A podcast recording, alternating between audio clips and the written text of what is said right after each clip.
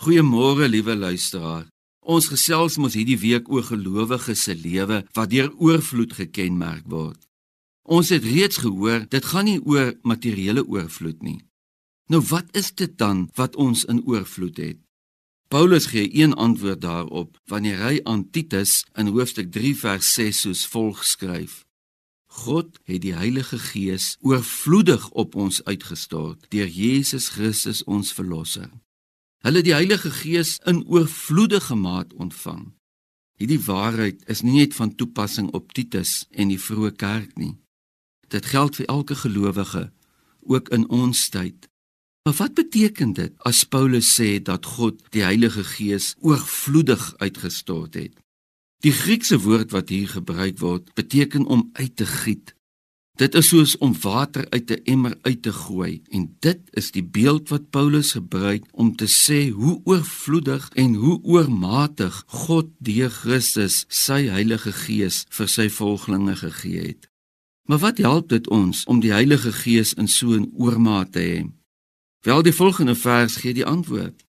Daar staan dat God se Heilige Gees oordadig uitgestort het sodat ons deur sy genade vrygespreek kon word en so deel sal kry aan die ewige lewe.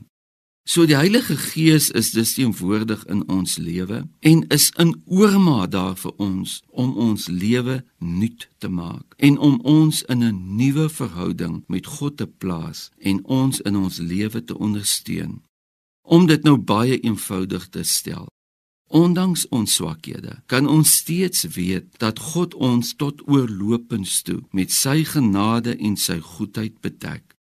Soos iemand gesê het, God deel nie sy genade in teelepels uit nie, hy stort dit uit. Liewe luisteraar, dit beteken dat ons nie vandag so sukkelaars hoef voort te strompel in hierdie lewe nie.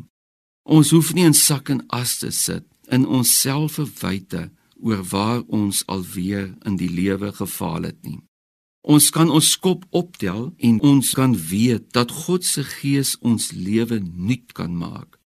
Betree hierdie nuwe dag wat God vandag aan ons skenk met die wete dat God jou liefhet, dat hy sy goedheid oor jou wil uitgiet, dat hy jou nie verwyd of wegwys oor mislukkings nie.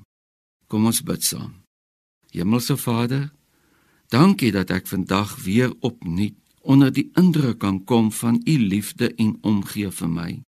Dankie vir die oorvloedige genade wat u ook oor my uitstort. Amen.